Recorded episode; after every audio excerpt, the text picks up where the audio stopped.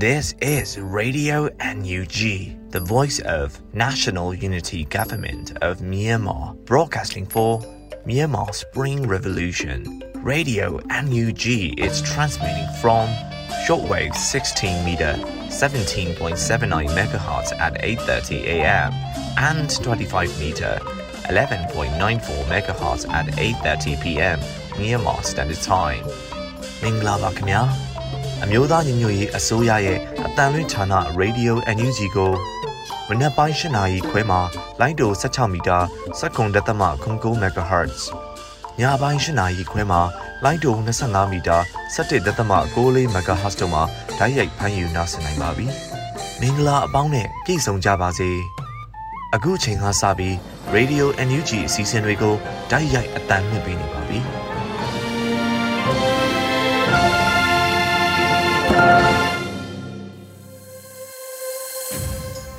မြန်မာနိုင်ငံသူနိုင်ငံသားအပေါင်းတဘာဝပြီးစစ်အာဏာရှင်ဘေးတို့ကနေကင်းဝေးပြီးဘေးကင်းလုံခြုံကြမှာကြပါစေလို့ဗီဒီယိုအရင်ကြီးအဖွဲ့သားများကဆုတောင်းမြတ်တာပို့သလိုက်ရပါတယ်ရှင်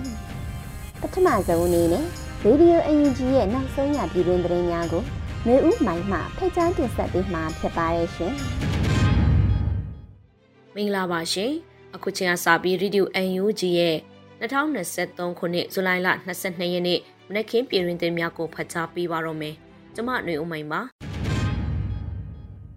ပထမဆုံးသတင်းအနေနဲ့ပြည်သူပိုင်ငွေဖြိုတွေကိုသွေးစွန်းမခံကြဖို့အရေးကြီးရလို့ပြည်ထောင်ဝင်ကြီးတိုက်တွန်းတဲ့သတင်းကိုတင်ပြပေးပါမယ်။ပြည်သူပိုင်ငွေဖြိုတွေကိုသွေးစွန်းမခံကြဖို့အရေးကြီးရလို့ဇူလိုင်လ22ရက်မှာပုတ်ကလစ်ကဘဏ်တွေနဲ့ပတ်သက်လို့ပြည်ထောင်ဝင်ကြီးဦးလွန်ကိုလက်ကတိုက်တွန်းဆိုလိုက်ပါတယ်။ကျွန်တော်တို့ပြည်သူကိုပိုင်ငွေဖြူတွေကိုသွေးစွန်းမခံကြဖို့အရေးကြီးပါတယ်။ ဗန်တထေးတွေကတော့စစ်ကောင်စီရဲ့အောက်မှာဘဝကဆင်ဆင်ကြီးတည်နေကြပါပြီ။ပိုင်ဆိုင်မှုတွေကရုံးမရတဲ့နှောင်ကြိုးတွေနဲ့ကြီးထွားလာခဲ့ကြတော့အခုချိန်မှာပုံးမကွဲရှောင်းမလွတ်နဲ့ရွေးချယ်စရာလည်းမရှိပြေးစရာမြေလည်းမရှိတော့စစ်ကောင်စီကိုပြည်သူပတ်စံတွေနဲ့အတုံးတော်ခံနေပါတော့တယ်။ဒီပုတ်ကိုကြီးများရဲ့ဗန်တွေကိုအနံ့ကြတယ်။ဘဏ်တွေကဒီငွေတွေနဲ့စစ်ကောင်စီရောင်းတဲ့ငွေတိုက်စာချုပ်တွေကိုဝယ်ပြီးစစ်ကောင်စီလိုငွေကိုဖြည့်ပေးနေကြတယ်လို့ဝန်ကြီးကဆိုပါတယ်။ ဇူလိုင်20ရက်နေ့မှာအမျိုးသားရင်ငွေရေးအစိုးရစီမံကိန်းဗဏ္ဍာရေးနဲ့ရင်းနှီးမြှုပ်နှံမှုဝန်ကြီးဌာနကຫນွေဦးဖွံ့ဖြိုးရေးဘဏ်ကိုတရားဝင်စတင်မိတ်ဆက်ခဲ့ပြီး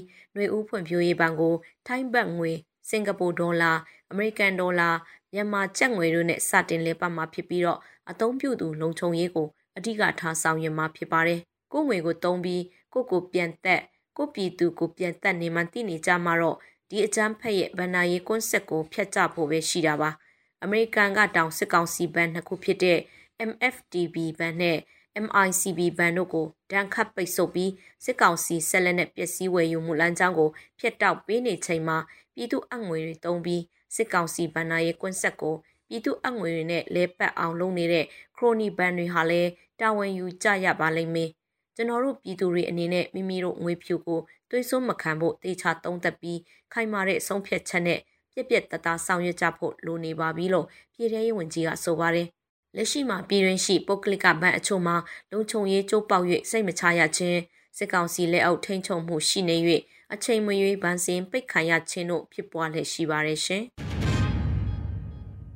ဆက်လက်ပြီး၃ညကစခဲ့တဲ့တော်လှန်ရေးဟာ90ရာခိုင်နှုန်းကျော်ကိုရောက်နေပြီလို့ပြည်တော်စုဝင်ကြီးဒေါက်တာဇော်ဝေဆိုသတင်းစကားပါလိုက်တဲ့သတင်းကိုတင်ပြပါမယ်။ဇူလိုင်လအတွင်းပြည်သူမှပြည်သူတို့အစီအစဉ်မှာပြည်တော်စုဝင်ကြီးဒေါက်တာဇော်ဝေဆိုက၃ညကစခဲ့တဲ့တော်လှန်ရေးဟာ90ရာခိုင်နှုန်းကျော်ကိုရောက်နေပြီလို့ပြောကြားခဲ့ပါတယ်။ပြည်သူကိုပေးချင်တဲ့သတင်းစကားကတော့ကျွန်တော်တို့တော်လှန်ရေးခုနပြောသလိုအစမှပြောသလို၃ညကစခဲ့တဲ့တော်လှန်ရေး ဒီမှာ90ကျော်ရခိုင်နှုန်းကိုရောက်နေပြီးဒါတောင်လွန်ခဲ့တဲ့2လလောက်ကတွတ်တဲ့ဟာပေါ့ဒီအချိန်60လောက်တောင်ရောက်ရင်ရောက်နေပြီးဘာလို့ဆိုကရင်နီတွေ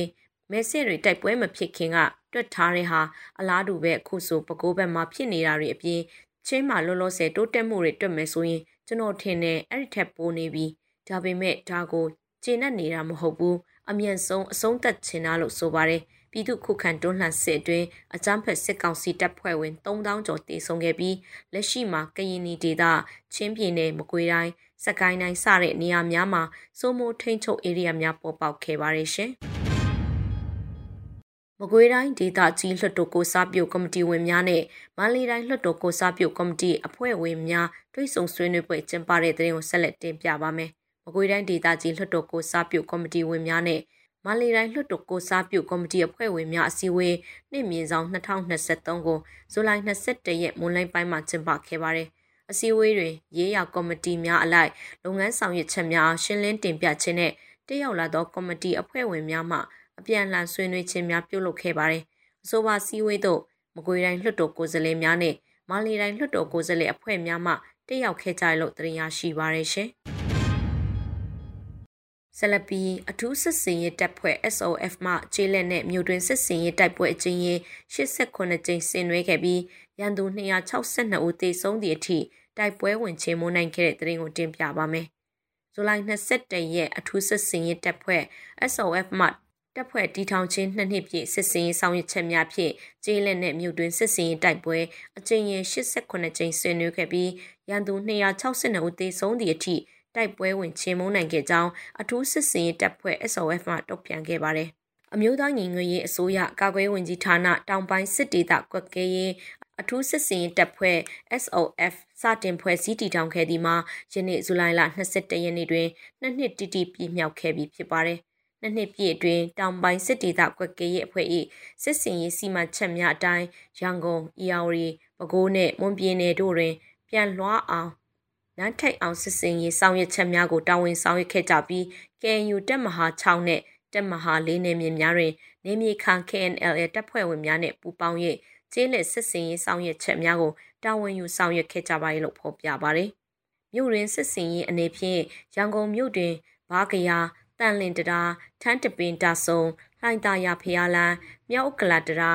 ဗဟန်းစစ်တပ်အရာရှိရိတ်တာ အင်းစိန်ထောင်အရာရှိရိတ်တာပါဝင်အကြမ်းဖက်စစ်တပ်၏စစ်ဆေးရေးဂိတ်များအကြမ်းဖက်လက်အောက်ခံတာကေတရဲစခန်းမြောက်ကလာရဲစခန်းနဲ့လိုင်တာယာရဲစခန်းများအားလက်နက်ကြီးလက်နက်ငယ်များဖြင့်ထိုးဖောက်ဝင်ရောက်တိုက်ခိုက်နိုင်ခဲ့ပါတယ်။ရာဝတီတိုင်းစစ်ကောင်စီဝင်ကြီးချုပ်ရင်နှန်းကြားပြတ်တိုက်ခိုက်မှုအပါအဝင်မွန်ပြည်နယ်ရှိရဲစခန်းများအကြမ်းဖက်လက်အောက်ခံပြူစောထီးကိတ်များစစ်စခန်းများအားအကြိမ်ပေါင်းများစွာဝင်ရောက်တိုက်ခိုက်နိုင်ခဲ့လို့ဆိုပါတယ်။ကျင်းလက်စစ်စင်ရဲ့အနေဖြင့် ဖျားသုံးစုမြို့ဖျားတောင်စခန်းသိမ်းပွဲတံဖြူစည်းရမြို့တောင်ကလေးစခန်းသိမ်းပွဲကြာအင်းစိတ်ကြီးမြို့တောင်စွန်းစခန်းသိမ်းတိုက်ပွဲနဲ့ကော့ကရိတ်မြို့တောင်ကြအင်းစခန်းသိမ်းတိုက်ပွဲပါဝင်တိုက်ပွဲပေါင်း39ကြိမ် drone နဲ့လက်နက်ကြီးတိုက်ပွဲပေါင်း16ကြိမ်ဆင်နွှဲနိုင်ခဲ့ပါတယ်အချုပ်အားဖြင့်ခြေလက်နဲ့မြို့တွင်စစ်စင်ရေးတိုက်ပွဲအကြိမ်ရေ89ကြိမ်ရှိခဲ့ပြီးရန်သူ262ဦးသေဆုံးသည့်အထိတိုက်ပွဲဝင်ချေမှုန်းနိုင်ခဲ့ပြီးလက်နက်ကြီးလက်နက်ငယ်54လက်သိမ်းဆည်းရမိခဲ့က တရားမဝင်မူရစေဝါများနဲ့လိုင်စင်မဲ့ကားချို့သိမ်းဆည်းရမိဖျက်ဆီးနိုင်ခဲ့လို့ဆိုပါတယ်ရှင်။ CDM စင်များနဲ့စင်ဦးစီးဝန်ထမ်းများအား2022 2023ခုနှစ်များအတွင်းထောက်ပံ့မှု၄ကြိမ်ဆောင်ရွက်နေခဲ့တဲ့တဲ့ရင်ကိုဆက်လက်တင်ပြပါမယ်။ CDM စင်များနဲ့စင်ဦးစီးဝန်ထမ်းများအား2022 2023ခုနှစ်များအတွင်းထောက်ပံ့မှု၄ကြိမ်ဆောင်ရွက်နိုင်ခဲ့လို့ဇူလိုင်22ရက်မှာအမျိုးသားညီညွတ်ရေးအစိုးရ တယံဇာရနဲ့တဘာဝပတ်ဝန်းကျင်ထိန်းသိမ်းဝင်ကြီးဌာနကအသိပေးဆိုပါရယ်အမျိုးသားညီညွတ်ရေးအစိုးရတရားဇာရနဲ့တဘာဝပတ်ဝန်းကျင်ထိန်းသိမ်းဝင်ကြီးဌာနအလောင်းတော်ကတပအမျိုးသားဥယျာဉ်မှ CDM စင်များနဲ့စင်ဦးစီးဝန်ထမ်းများအား2022 2023ခုနှစ်များအတွင်းထောက်ပံ့မှု၄ကြိမ်ဆောင်ရွက်နိုင်ခဲ့ပါတယ်လို့ဖော်ပြပါတယ်2022ခုနှစ်စက်တင်ဘာလအတွင်းစေဦးစီဝန်ထမ်းများအတွက်ဝင်ကြီးဌာနရန်ပုံငွေဖြင့်3,600ကျပ်နဲ့ ပြင်ပအလှူရှင်များမှစေသိန်းကျပ်ထောက်ပံ့ခဲ့လို့သိရပါတယ်2023ခုနှစ်ဖေဖော်ဝါရီလအတွင်းစင်ဦးစီးဝန်ထမ်းများနဲ့စင်များအတွက်ပြင်ပအလှရှင်တူက380ကျပ်လှူဒန်းခဲ့ပြီး၎င်းအပြင်စင်ချစ်သူ2ဦးထဲ့ဝင်လှူဒန်းပေးသည့် Elephant Collection အမတ်တရပစ္စည်းများဖြင့်ဝင်ကြီးဌာနကဦးစီးဆောင်ရွက်ခဲ့သည့်တော်လှန်တက်သားမုံမိုလေးများကမ်ပိန်းမှရန်ပုံငွေ3440ကျပ်ရရှိခဲ့ပါတယ်။ CDM စင်များနဲ့စင်ဦးစီးဝန်ထမ်းများထောက်ပံ့နိုင်ရဲ့အတွက်2023ခုနှစ်အတွင်းလက်ခံရရှိခဲ့သည့်လှူဒန်းငွေကမ်ပိန်းရန်ပုံငွေများထဲမှစင်ဦးစီးဝန်ထမ်းများအတွက်ခွဲဝေထားရှိသည့်ပမာဏအားလုံးထောက်ပံ့ပေးအပ်ပြီးဖြစ်တယ်လို့သိရပါတယ်ရှင်။ စကိုင်းတိုင်းရင်းမပင်မြို့နယ်စုံချောင်းကျေးရွာမှာအကြမ်းဖက်စစ်တပ်ကလူအစုလိုက်အပြုံလိုက်တပ်ဖြတ်မှုဖြစ်ပွားတဲ့တဲ့ရင်ကိုဆက်လက်တင်ပြပါမယ်။စကိုင်းတိုင်းရင်းမပင်မြို့နယ်စုံချောင်းကျေးရွာမှာအကြမ်းဖက်စစ်တပ်ကလူအစုလိုက်အပြုံလိုက်တပ်ဖြတ်မှုဖြစ်ပွားခဲ့လို့သတင်းရရှိပါတယ်။ဇူလိုင်22ရက်နေ့နဲ့အစောပိုင်းစစ်ကောင်စီတပ်များဝင်စီး၍ပြည်သူ့ကာကွယ်တပ်ဖွဲ့ဝင်3ဦးကိုကနဦးတပ်ဖြတ်ခဲ့လို့သိရပါတယ်။ ဇူလိုင်22ရက်ညနေ3နာရီအချိန်ခန့်မှာမိမိတို့ရရှိထားတာကတော့မနက်ကဖမ်းဆီးသူ14ယောက်ကိုစစ်ကောင်စီနောက်လိုက်များကရက်စစ်စွာတပ်ဖြတ်ထားကြောင်းဒေသခံများထံကသိရပါတယ်လို့စကိုင်းပြည်သူဖေးမှကိုကွင်ရဲ့ပြန်ကြားရေးကဆိုထားပါတယ်တပ်ဖြတ်ခံရသူများထဲတွင်17ဦးမှာအယက်သားများဖြစ်၍အမျိုးသားများဖြစ်ကစုံချောင်းရွာရှိနေများကိုလည်းစစ်ကောင်စီတပ်များကမိရှုဖျက်ဆီးသွားခဲ့လို့သိရရှိပါရရှင်။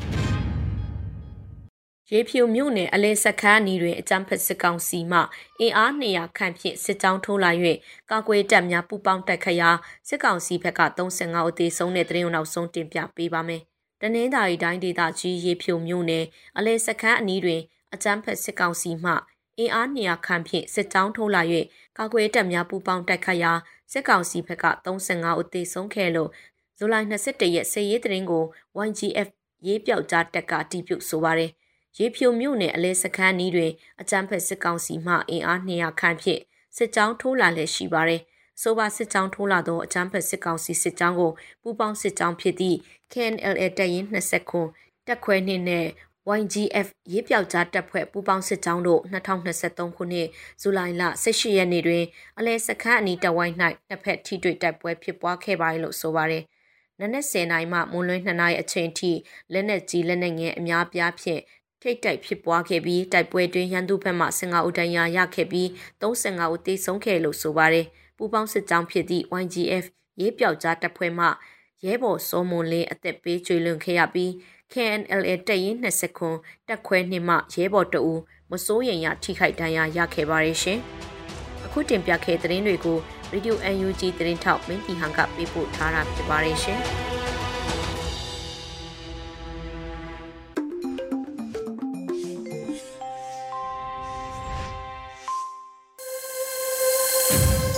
ဆက်လက်ပြီးလူသားချင်းစာနာမှုအကူအညီတွေထက်စစ်လက်နက်အတွက်ပို့သုံးဖို့စိတ်အားထက်သန်တဲ့ကဘာဆိုတဲ့မြန်မာနေဦးခရိုနီကယ်ဇူလိုင်20မြင်တွင်မုံမခဆောင်းပါးကိုလွတ်လပ်နေဦးမှဖတ်ကြားတင်ဆက်ပေးမှာဖြစ်ပါရဲ့ရှင်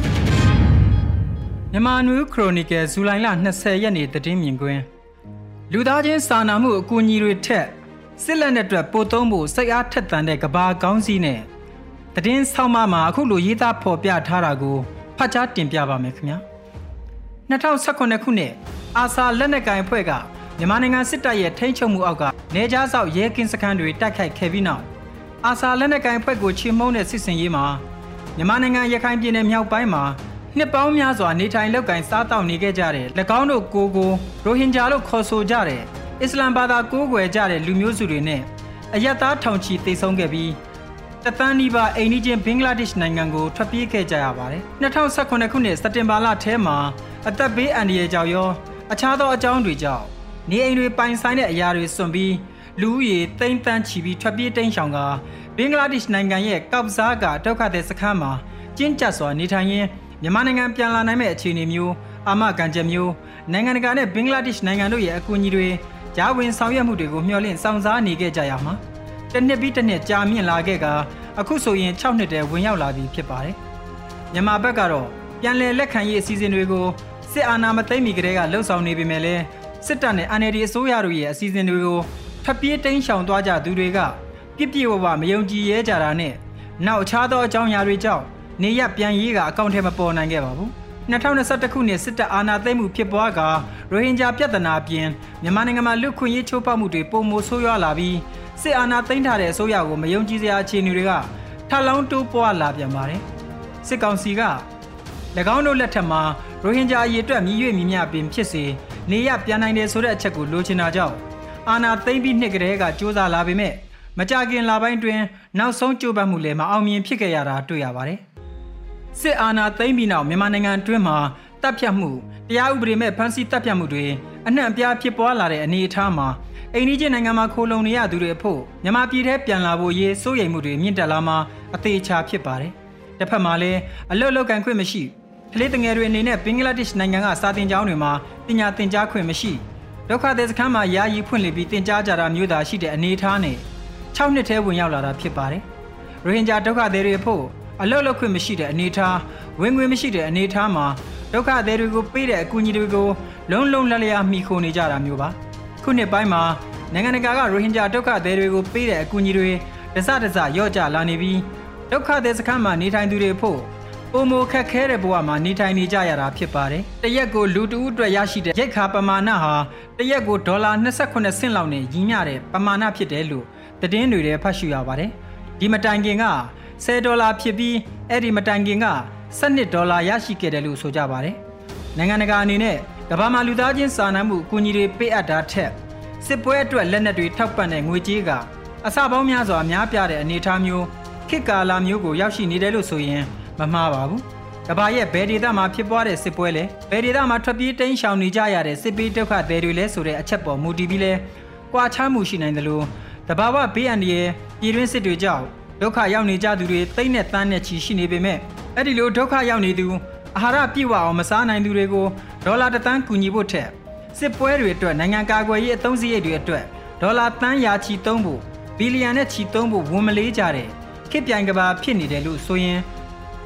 လွန်မယ်မထင်ပါဘူး။ကဘာကြီးမှာရွေးကောက်ပွဲနဲ့ဖြစ်စေတခြားနည်းနဲ့ဖြစ်စေအာဏာရနေကြတဲ့အစိုးရတွေခေါင်းဆောင်တွေနဲ့အစင်လာရှေးရွဆွဲဝါဒကင်ဆွဲသူတွေလုပ်ငန်းရှင်ကြီးတွေဘီလီယံနာကြီးတွေကဘာအနှံ့ကုမ္ပဏီကွဲတွေရှိတဲ့ မာတီဘီလီယံလုပ်ငန်းကြီးတွေစစ်လက်နက်နဲ့စစ်ပစ္စည်းထုတ်လုပ်တဲ့ကုမ္ပဏီကြီးတွေရဲ့အကျိုးစီးပွားကိုဦးစားပေးစဉ်းစားပြီးမူဝါဒချမှတ်ကြတဲ့အစိုးရတွေကထက်ဝက်မကများပြားတဲ့အနေအထားဖြစ်တာတွေ့ရမှာဖြစ်ပါတယ်။လူသားချင်းစာနာမှုအကူအညီမှာတကြက်ဖို့မကူညီခြင်းပေမဲ့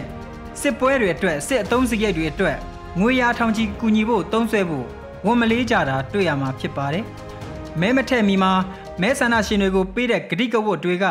အာဏာရလာပြီးနောက်မှာ ဂတိအတိုင်းမလုပ်ဆောင်ကြတာမျိုးစစ်ပွဲတွေဖြစ်ပွားတာစစ်ပွဲဖြစ်ပွားမှာကိုစိုးရိမ်ကစစ်စရိတ်တွေအများပြားသုံးစွဲကြတဲ့အခါအကျိုးအမြတ်ရတဲ့ကုမ္ပဏီလုပ်ငန်းကြီးတွေကအာဏာရတဲ့ပါတီကိုပံ့ပိုးကြတာမျိုးတွေနဲ့ကမ္ဘာနိုင်ငံရေးတွေကလူလူချင်းစာနာကူညီတဲ့လားယာမျိုးထက်စစ်ပွဲတွေနဲ့ချမ်းသာကြွယ်ဝမှုအကျိုးအမြတ်ရှိလာကြတဲ့ကုမ္ပဏီတွေလုပ်ငန်းတွေအတွက်ပံ့ပိုးလှုပ်ဆောင်ပေးနေကြတဲ့အနေအထားဖြစ်နေတာကိုဝမ်းနည်းဖွယ်တွေ့မြင်ရမှာဖြစ်ပါတယ်။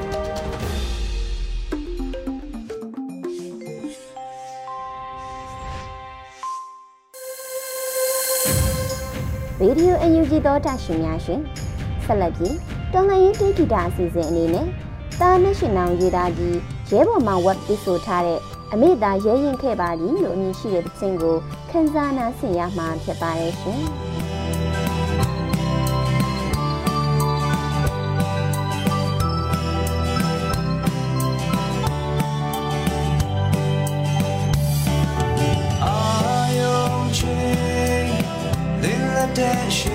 想睡觉。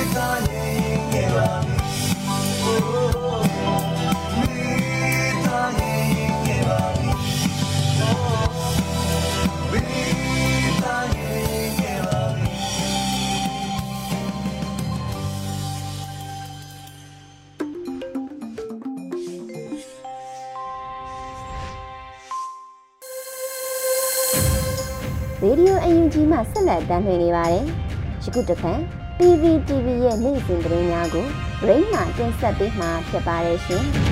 ။ပထမဆုံးအနေနဲ့တင်ဆက်ပေးခြင်းတဲ့သတင်းကတော့ပြည်ထောင်စုလူဝမှုကြီးကြပ်ရေးဝန်ကြီးဌာနနဲ့ခရိုင်ပြည်သူ့အုပ်ချုပ်ရေးအဖွဲ့များတွဲဆုံဆွေးနွေးတဲ့သတင်းမှာအမျိုးသားညွရေးအစိုးရပြည်ထောင်စုလူဝမှုကြီးကြပ်ရေးဝန်ကြီးဌာနနဲ့ခရိုင်ပြည်သူ့အုပ်ချုပ်ရေးအဖွဲ့များတွဲဆုံဆွေးနွေးမှုအစည်းအဝေးကို ဇူလိုင်20ရက်မွန်းလွဲ3နာရီမှာပြုလုပ်ခဲ့ကြပါတယ်။အစည်းအဝေးမှာပြည်ထောင်စုလူဝမှုကြီးကြပ်ရေးဝန်ကြီးဌာန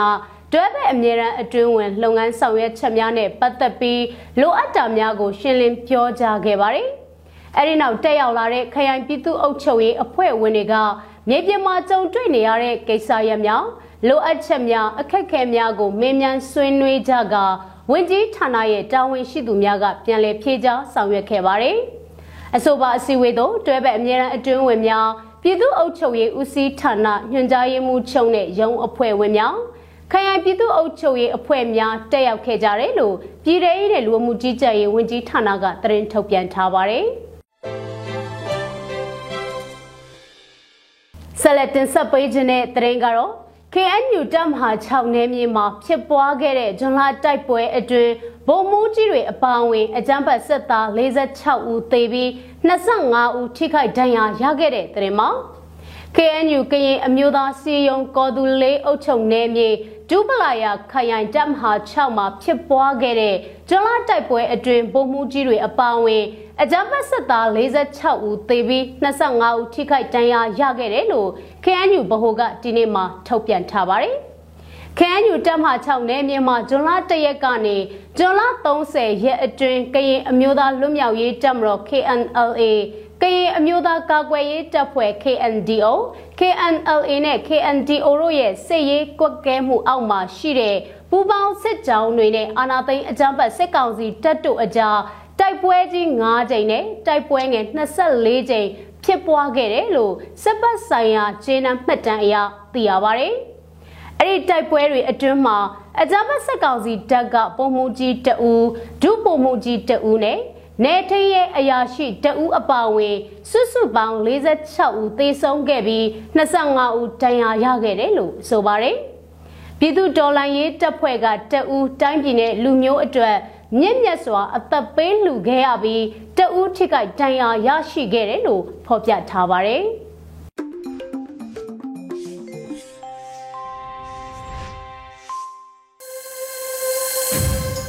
ဆက်လက်ပြီးတိုင်းသားဘာသာစကားအစီအစဉ်အနေနဲ့ချိုချင်းဘာသာစကားခွဲတစ်ခုဖြစ်တဲ့ဒိုင်ဘာသာစကားဖြင့်သတင်းထုတ်လွှင့်မှုအစီအစဉ်ကိုတင်ဆက်ပေးမှာဖြစ်ပါတယ်။ဒီအစီအစဉ်ကိုဗီဒီယိုအယူဂျီနဲ့ချိုချင်းဘာသာစကားထုတ်လွှင့်မှုအဖွဲ့တို့ကပူးပေါင်းထုတ်လွှင့်တာဖြစ်ပါရဲ့ရှင်။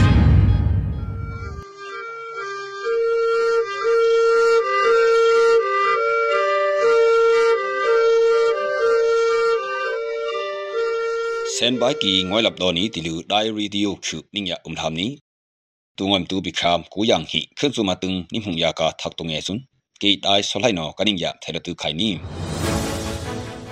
aksuka kam balem lu hem satung nam khanung ani tu u dia thang ang hinaka kam balem lu he a tungna ak hu ve ki ya thang ak tumna ka ha kham lu ngo ဆက်စပ်ပုံကဆက်စမချွန်းဆန်ဟက်ဆေပီလူ CDF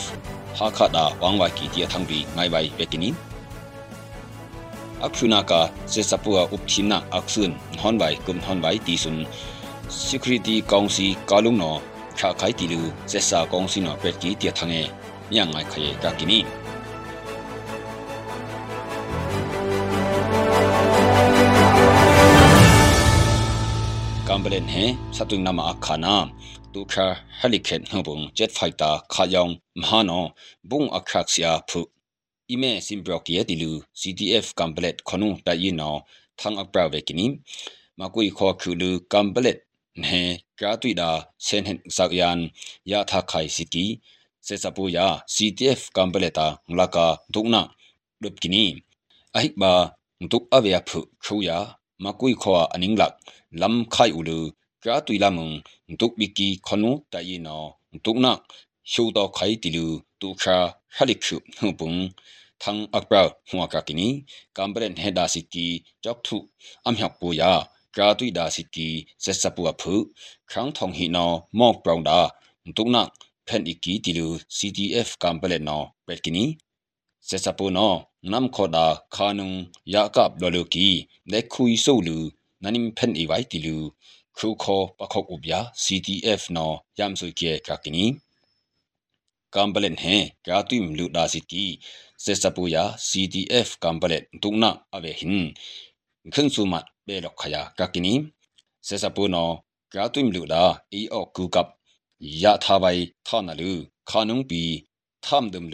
ya akap ki tilu CTF complet no petkini tung na kung se support da mku thilu duk bi ki songprang da thumlep ki tilu thangong wekini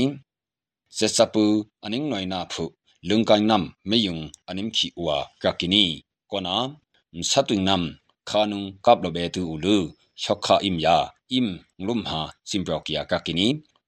tu kha hali ko nu mu da နာယီခုကုံပီကမ်ပလက်လူဝနာမြတ်နိုတူလမ်ခေပါဒုံနာဝေဘေတူလူစေစပူဒါမဟာတီဦးလူ CTF ကမ်ပလက်ဒါဖြူလက်ပြာကကနီအိုက်ဘာဒုံနာရှူလလူယန်တောင်းယာအေအော့သူကောလော်ကီအဆွန်ယာကူအေဝယာ CTF ကမ်ပလက်နော်ပက်ကနီဟာခမ်လူငေါခလာယာဖရန်ဟီကုနုခုကိပြခုကုံကာဆက်စာမဆွန် เซนเฮเซปุยลู CDF ฮักฮัดาวังวากีติลูตุคาฮัลิคุมนุบุงทังอันิปราหัวกากินีเซซาปัวขุดอัมอบีทูเตียพุวังลอกี ME1 มัดยันตองอิมพูยายันตองอัพรากนุงกุยักชุกอลอปุยติลูทังงเวกินีสุงวีอติงามฮักิเปอูลูเลนาขอดาอันิทาวากากินี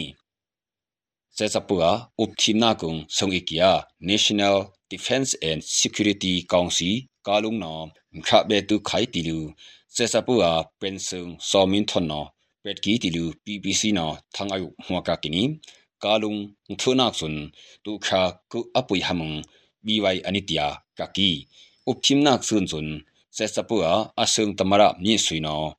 Kumhiya Kumphe Sunya Pelu Tu Khakhu anim thon ta kho kup thum su khaya ka ki kho kum ku anim thona ka kung lok khai kha khu umung shum son na bi ya khaya ka ki nung na ga ki pa ti yung ana ani pet ba ya phu a shum son na itia bi wai ti sun se sa pu no sing te kia ku pet kia ka kini shum son na am ave yak pi ta se sa pu no ya up i lu lu khu sakan ya kayin nia tuk na ndum ba ya min ong thain no se sapu ang wa yung kae yam the kya ka kini sunga ki nu ba be na ning ya ye na ni lo be tu ki khun zum tu tia ning khum be tu kom u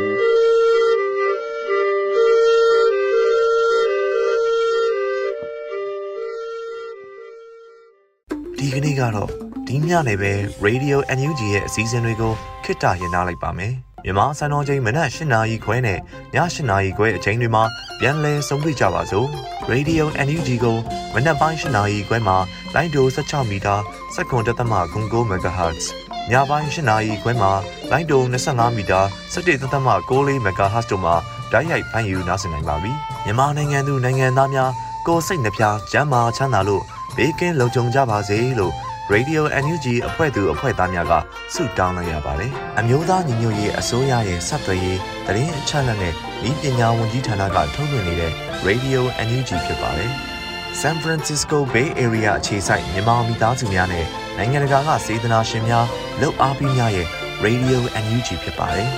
။အရေးတော်ပုံအောင်ရမည်